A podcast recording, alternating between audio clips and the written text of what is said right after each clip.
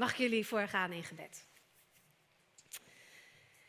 Goede God, liefdevolle Vader, Heer, dank u wel dat we op deze ochtend in vrijheid samen kunnen komen met elkaar. Hier in het gebouw of thuis voor een scherm. Of zelfs op een ander moment, Heer, in de aankomende tijd. Heer, voor u is geen tijd, dus het maakt in die zin niet uit, Heer. We zijn hoe dan ook met elkaar verbonden. Verbonden door uw Heilige Geest. Allemaal als kinderen van God, Heer. En, en Heer, dat geldt voor ons als gemeente, maar dat geldt ook voor al onze broers en zussen in andere kerken. In Vlaardingen, in Nederland en wereldwijd, Heer. Daar waar mensen in uw naam bijeenkomen, zijn we allemaal familie van elkaar. En Heer, ehm, ja, zo brengen we de zorgen die we daar ook om hebben bij u in dit moment.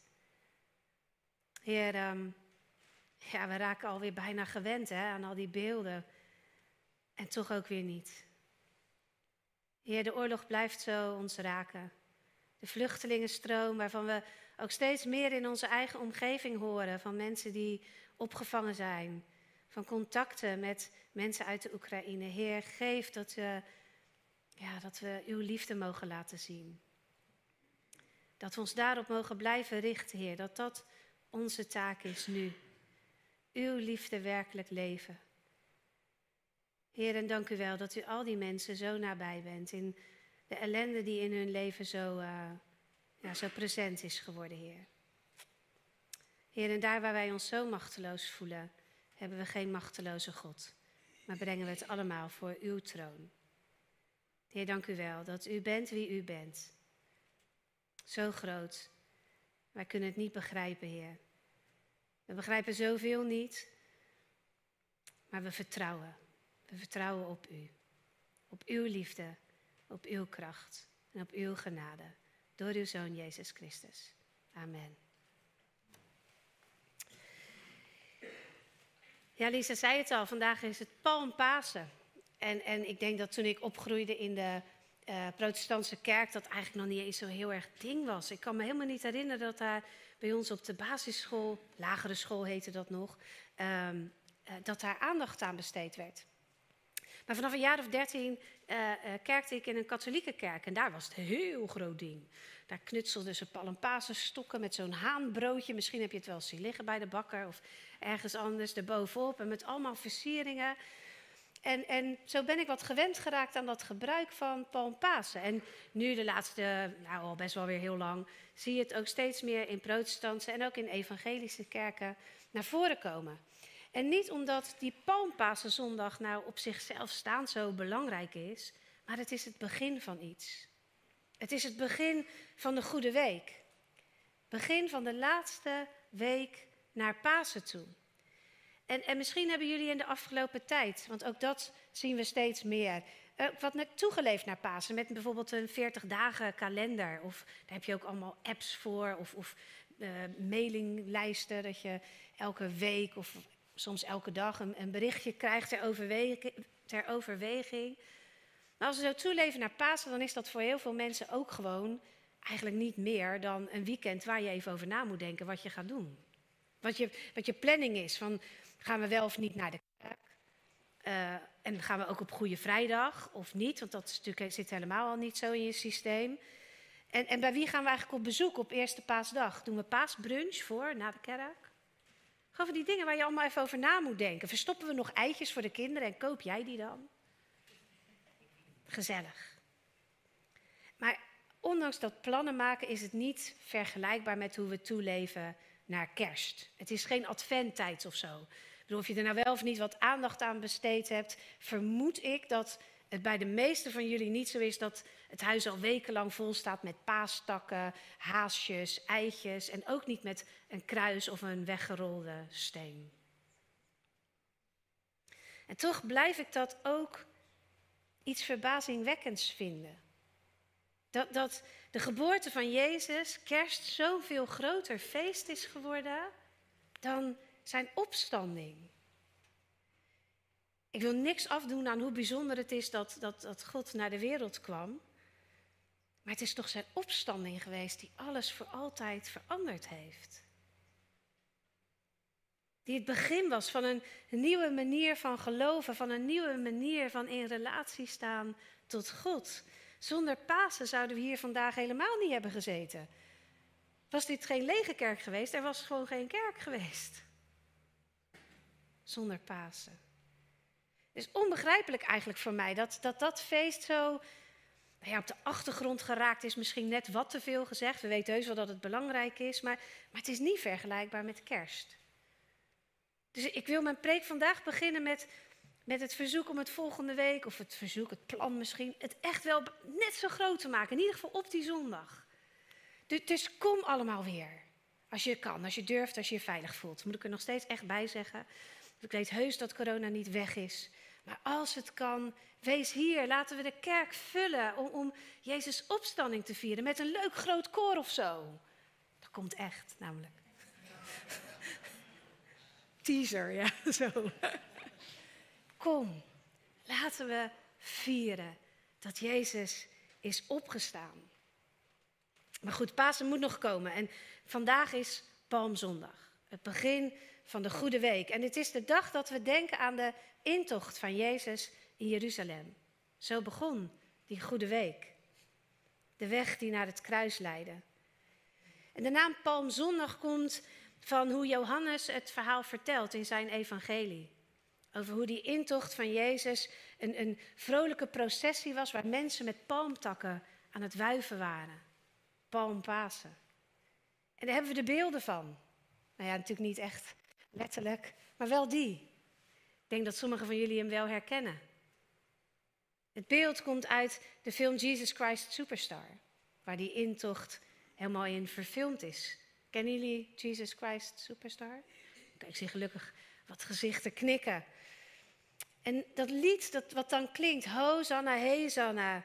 En dan, hey JC, JC, won't you fight for me? Hosanna, Jezus wil je voor mij vechten. Dat is precies wat de mensen van toen verwachten. Eindelijk zou de Messias, de, de, de gezalfde, de koning, doen waarvoor hij gekomen was. De macht van de Romeinen verbreken. Zorgen dat het volk weer vrij was en, en zelf de troon bestijgen. Dat was de verwachting. En in de film komt Jezus zo stralend de stad binnen. Lachend en triomferend. In volle glorie. En voor de volgelingen van Jezus en de mensen in de straten die over het algemeen nog geen enkel idee hadden van wat er zou gaan gebeuren, was dit de intocht van een koning. Van een echte koning. Dat beeld klopt. Daarom werden er mantels voor hem uitgespreid en voor hem gezongen en uitgeroepen met die palmtakken gewoven. Maar voor Jezus, hij wist natuurlijk al lang dat zijn troon het kruis zou zijn. En in het evangelie van Lucas lees ik dan ook niets over deze lachende en triomferende Jezus. Integendeel, ik wil die graag met jullie lezen. Lucas 19, vers 29 tot 42. Toen hij Betfage en Betanië bij de Olijfberg naderde, stuurde hij twee van de leerlingen vooruit. En zei tegen hen: Ga naar het dorp daar ginds. Daar zullen jullie een vastgebonden veulen vinden, dat nog nooit door iemand bereden is. Maak het los en breng het hier. Als iemand jullie vraagt waarom maken jullie het los, moeten jullie antwoorden: De Heer heeft het nodig. Oh, andere kant op. De beide leerlingen gingen op weg en vonden het veulen, precies zoals Jezus had gezegd. Toen ze het dier losmaakten, vroegen de eigenaars hun: Waarom maken jullie het los? En ze antwoordden: De Heer heeft het nodig. Daarna brachten ze het veulen naar Jezus. Ze wierpen hun mantels over het dier en lieten Jezus erop zitten. Als kind vond ik dit echt heel zielig. Want ik had echt zo'n beeld van zo'n heel klein veulen. Ik denk, dat kan toch niet waar zijn? Maar ik heb alle vertrouwen dat dat in vertalingen en met leeftijden vast anders uh, geregeld was. En Jezus heus niet op een heel klein veulentje ging zitten. Onderweg spreidden de leerlingen hun mantels voor hem op de weg uit. Dat deed je voor koningen, dat het stof niet zo op zou waaien. Toen hij op het punt stond de olijfberg af te dalen, begon de hele groep leerlingen vol vreugde en met luide stem God te prijzen om alle wonderdaden die ze hadden gezien. Ze riepen gezegend hij die komt als koning in de naam van de Heer. Vrede in de hemel en eer aan de Allerhoogste. Enkele fariseeën in de menigte zeiden tegen Jezus, meester, berisp uw leerlingen. Maar hij antwoordde, ik zeg u, als zij zouden zwijgen, dan zouden de stenen het uitschreeuwen. Toen hij Jeruzalem voor zich zag liggen, begon hij te huilen om de stad. Juichend en triomferend. Hij begon te huilen om de stad. Hij zei: Had ook jij op deze dag maar geweten wat vrede kan brengen. Maar dat blijft voor je verborgen, ook nu. Want er zal een tijd komen dat je vijanden belegeringswerken tegen je oprichten, je omsingelen en je van alle kanten insluiten. Ze zullen je met de grond gelijk maken en je kinderen verdelgen. En ze zullen geen steen op de andere laten, omdat je de tijd van Gods ontferming niet hebt herkend. Hij ging naar de tempel, waar hij de handelaars begon weg te jagen met de woorden: Er staat geschreven: Mijn huis moet een huis van gebed zijn, maar jullie hebben er een rovershol van gemaakt. Dagelijks gaf hij onderricht in de tempel. De hoge priesters, de schriftgeleerden en de leiders van het volk wilden hem uit de weg ruimen, maar ze wisten niet hoe ze dat moesten doen, want het hele volk hing aan zijn lippen.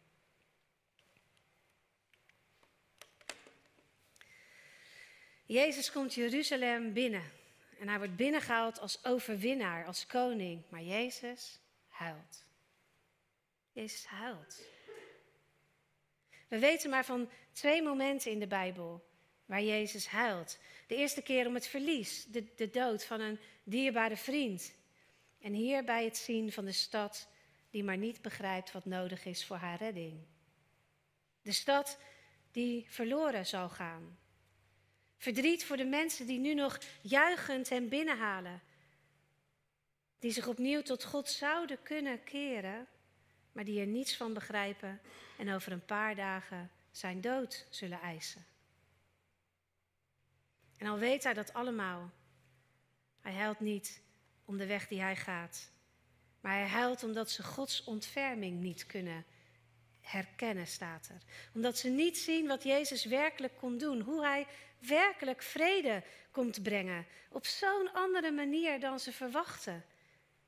Hij wordt warm onthaald, maar hij is zelf bewogen met medelijden.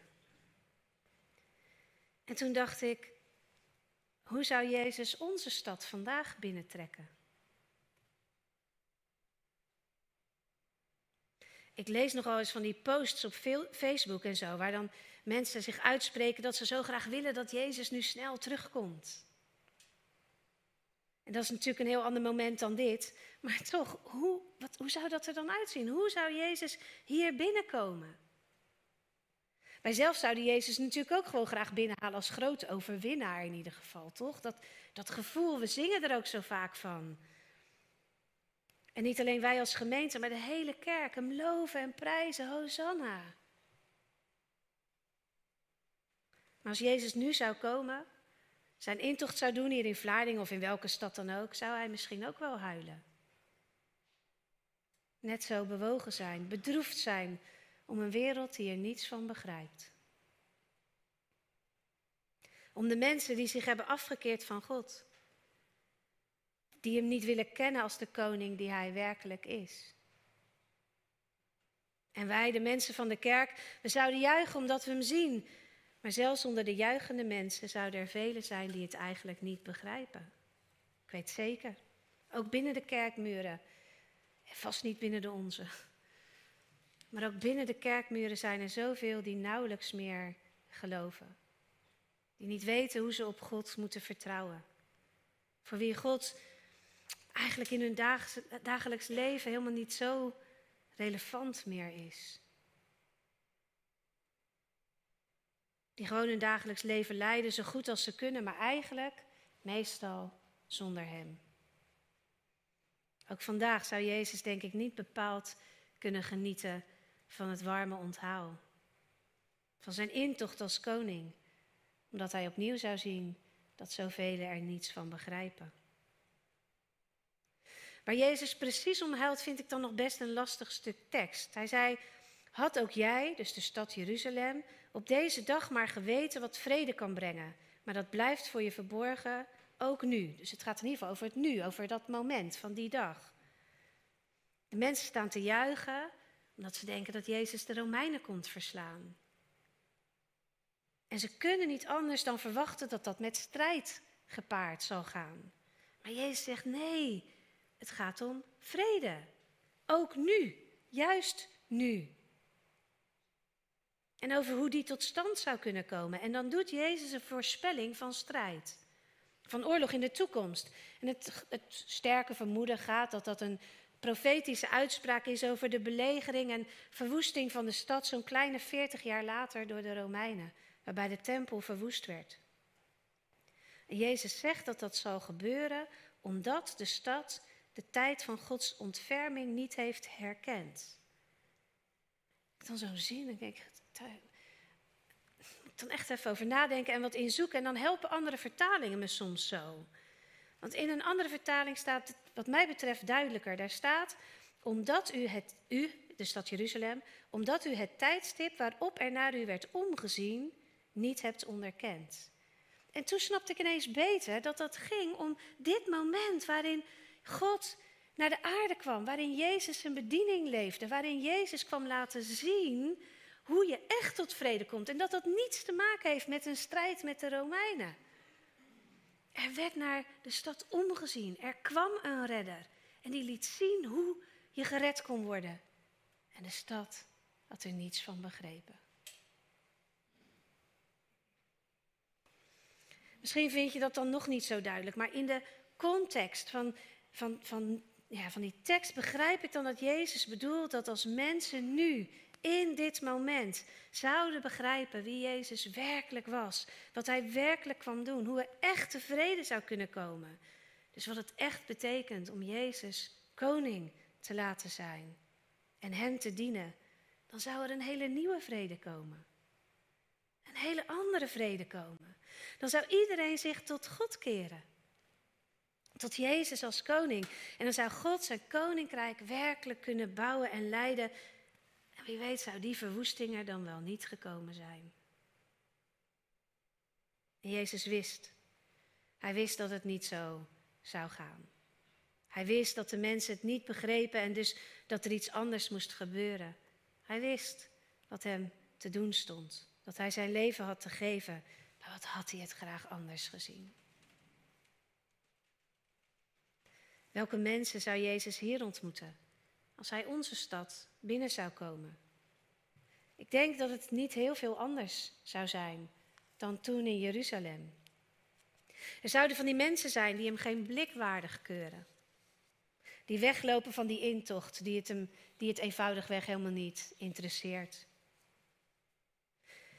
En er zouden mensen zijn die hem helemaal niet willen, die boos weglopen of boos toekijken. Of misschien zelfs boze uitroepen doen. Protesteren met spandoeken. Zo waren sommige schriftgeleerden toen. Ach, niet met die spandoeken natuurlijk. Wel boos, afwijzend. En er waren anderen die bang waren dat Jezus tegen het gezag in zou gaan, tegen die Romeinen in zou gaan en dat er een strijd zou komen die ze helemaal niet wilden. Die gewoon bang waren. En er waren de Romeinen zelf, het gezag van die tijd. Dus misschien de machthebbers in alle soorten en maten van deze tijd, die bang zouden zijn dat Jezus hen uit de macht zou, zien zou, zou kunnen werken op de een of andere manier. En daar boos of bang over zouden zijn. Er zouden vandaag mensen zijn die nauwelijks van Jezus gehoord hebben, maar die door de oploop geïnteresseerd zouden raken. Want daar gebeurt wat, daar moet je bij zijn. Heb je je telefoon klaar voor de foto's? Zouden komen kijken zonder eigenlijk te weten waarom. En misschien wel gewoon meedoen. Zonder er iets van te begrijpen. Er zouden mensen zijn die zeker wel van Jezus gehoord hebben. En die zouden denken dat hij nu kwam om alles op te lossen. Dit is het moment waar ik mijn Facebook-post voor gepost heb. Heer, kom spoedig. Als hij koning is, dan is alle ellende opgelost. En dus juichen ze. Misschien sta jij daar wel bij. Dit is het moment. Of misschien sta jij bij de mensen die Jezus woorden in de weken daarvoor gehoord hebt. In de jaren daarvoor misschien wel. Toen hij preekte over dienstbaarheid, over liefde, over het recht van en de kracht van de zwakkeren. Over een koninkrijk wat bijna het omgekeerde leek van wat mensen geneigd zijn te denken over een koninkrijk. Misschien heb je gezien hoe Jezus zijn handen uitstrekte om mensen te genezen. Misschien heb je gezien hoe hij liefdevol kinderen naar zich toetrok. Misschien heb je gezien hoe hij voeten waste in plaats van zijn voeten te laten wassen. Misschien heb je begrepen hoe ondenkbaar het is dat zijn koninkrijk, Gods koninkrijk, zou komen door een machtig, gewelddadig ingrijpen. Misschien heb je gehoord dat Jezus zei en zegt dat het koninkrijk van God al nabij is, al in ons is zelfs. En dat we het ervaren als we Hem volgen. En volgen betekent dan natuurlijk niet letterlijk achter hem aanlopen in die optocht. Maar volgen zoals een leerling zijn meester volgt. Doen als hij, worden als hij. Toen Jezus zei dat de stad, de mensen in de stad niet door hadden dat er naar hen werd omgezien, bedoelde hij, niet dat ze door, bedoelde hij dat ze niet door hadden dat God zelf was gekomen om te laten zien wat hun redding was. Hoe ze gered konden worden en hoe ze hier en nu van en vandaag in Gods vrede kunnen leven. Met wat er ook in de wereld is. Dat het koninkrijk van Gods vrede er al is. Ook al stormt het in de wereld. Dat het niets te maken had met Romeinse onderdrukking. Of met wat er verder in de wereld speelt. Met de macht van de wereld. Maar dat het ging en gaat om het dienen van elkaar. Om de liefde. En dan geloof ik toch ook dat Jezus hier en daar heel blij verrast zou zijn als hij vandaag kwam. Voor zover verrast zijn mogelijk is voor een alwetende God dan natuurlijk. Dat hij blij zou zijn. Dat hij ook zou ontdekken dat er zoveel liefde is. Liefde precies zoals hij bedoelt. Onder mensen die zeggen dat ze Jezus eigenlijk helemaal niet zo kennen. Ongelovigen. Waar liefde is. Wat zou hij blij zijn met al die sociale initiatieven, de hulp die mensen elkaar verlenen, de dienstbaarheid, de liefde onder mensen. En ja, dan kun je je afvragen of hij het erg zou vinden dat ze hem daar niet kennen. Ik weet het natuurlijk niet. Maar hoe meer ik Jezus leer kennen, hoe meer ik denk dat hij dan de woorden van Johannes zou citeren. Die zegt, wie de liefde kent, kent God. En ik geloof ook dat als hij zich als Jezus, als God, zoon van God, bij die mensen kenbaar zou maken en ze hem gewoon zouden zien, dat ze hem onmiddellijk in hun hart zouden sluiten. Ondanks alle ellende, ondanks de kerkverlating, zijn we ver gekomen in de 2000 jaar sinds zijn leven en sterven. En leven we in een maatschappij die ondanks verharding en, en de individualisering ook zoveel geleerd heeft van 2000 jaar christendom. Daar mogen we ons ook op focussen en dankbaar voor zijn. Onderwijs, zorg, dienstverlening in alle soorten en vormen. Als we dat vergelijken met de tijd van Jezus, zijn we ver gekomen. Maar we zijn er natuurlijk nog lang niet. De wereld lijkt nog helemaal niet op Gods koninkrijk. Ja, op plekjes, hier en daar, onder mensen. Maar als we ons dat helemaal voorstellen, een wereld waar de dingen gaan zoals Jezus ons voordeed, hebben we ook nog wel een weg te gaan. En we mogen natuurlijk hopen op zijn komst, uitzien naar de dag dat alles anders wordt. Zeker, dat is onze hoop.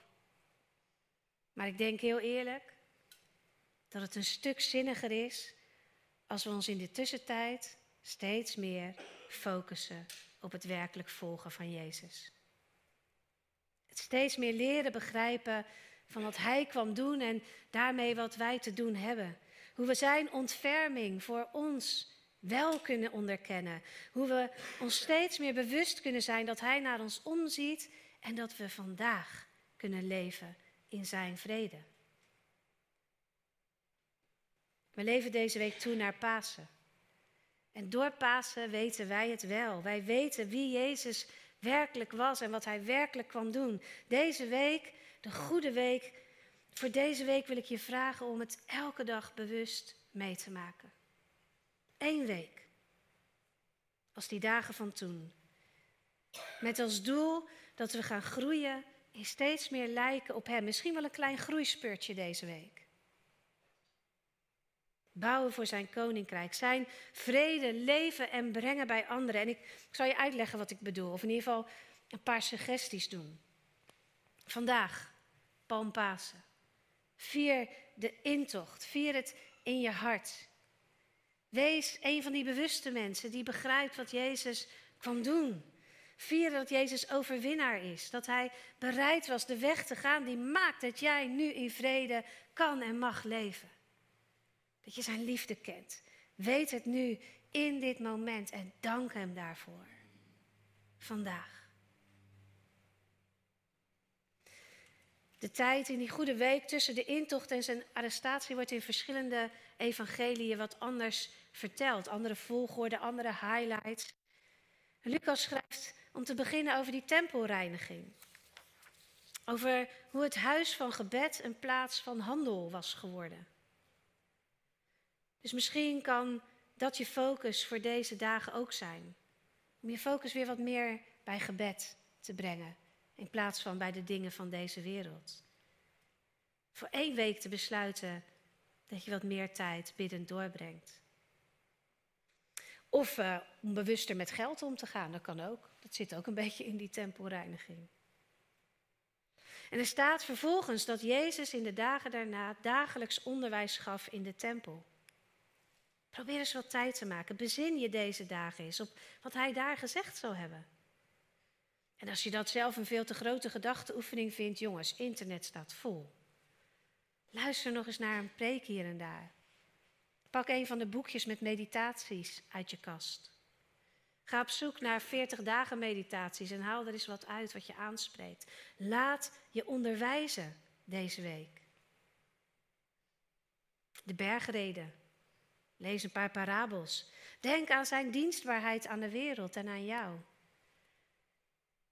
Kies een Bijbelstudie. Laat je deze week wat extra onderwijzen door Jezus. Wees erbij die dagen in de tempel.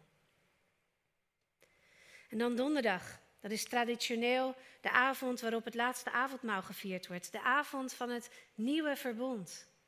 Het begin van een hele nieuwe relatie met God. De God die ons vrijmaakt. De God die jou onvoorwaardelijk lief heeft. De God die niets liever wil dan dat jij in zijn liefde leeft. De God die jou wil dienen. Het is de avond dat Jezus de voeten wast. Wij doen dat, wij, wij denken daaraan hier in de dienst op vrijdag en we vieren dan het laatste avondmaal. Maar misschien wil er donderdag thuis wel wat aandacht aan besteden. Als je een gezin hebt, misschien met je gezin of met je kring of met vrienden of een buurman, doe eens gek. Dien iemand die avond. Iemand waarvan je denkt, oh, die zou het ook nog wel eens goed kunnen gebruiken. Als ik ze uitnodig voor een, voor een avondmaal. Wees die avond je weer eens bewust van wat het avondmaal voor jou betekent. Wat het voor ons allemaal betekent. En mag Jezus jou dienen? En hoe volg je Hem in Zijn dienstbaarheid? Als je het heel gek wil maken, was dus iemand de voeten. En dan wordt het Goede Vrijdag en dan hoop ik dat je hier bent. Dan hoop ik dat je niet zomaar over het moeilijke heen springt naar de paaszondag maar ook deel van zijn lijden bent die dag. Ook als je dat moeilijk vindt. Ook als je worstelt met dat thema van dat kruis. Want ik weet, dat doen velen van ons. Maar ook dan, juist dan, al begrijpen we het niet, wees hier. De avond van zijn lijden. Om hem te danken voor hoe hij jou diende. Ook al begrijp je er misschien niks van. We zeggen dat Jezus met je meegaat op weg. Daar hebben we liederen van. Leid mij de weg. Ik ga, ga met me. Nou ja, weet ik veel. De teksten komen zo even niet in me op, maar je kent ze. We zeggen dat Jezus altijd onder, boven, voor en achter met ons op weg gaat. Maar de vraag aan jou deze week is: loop jij deze week zijn weg met Hem mee? Amen.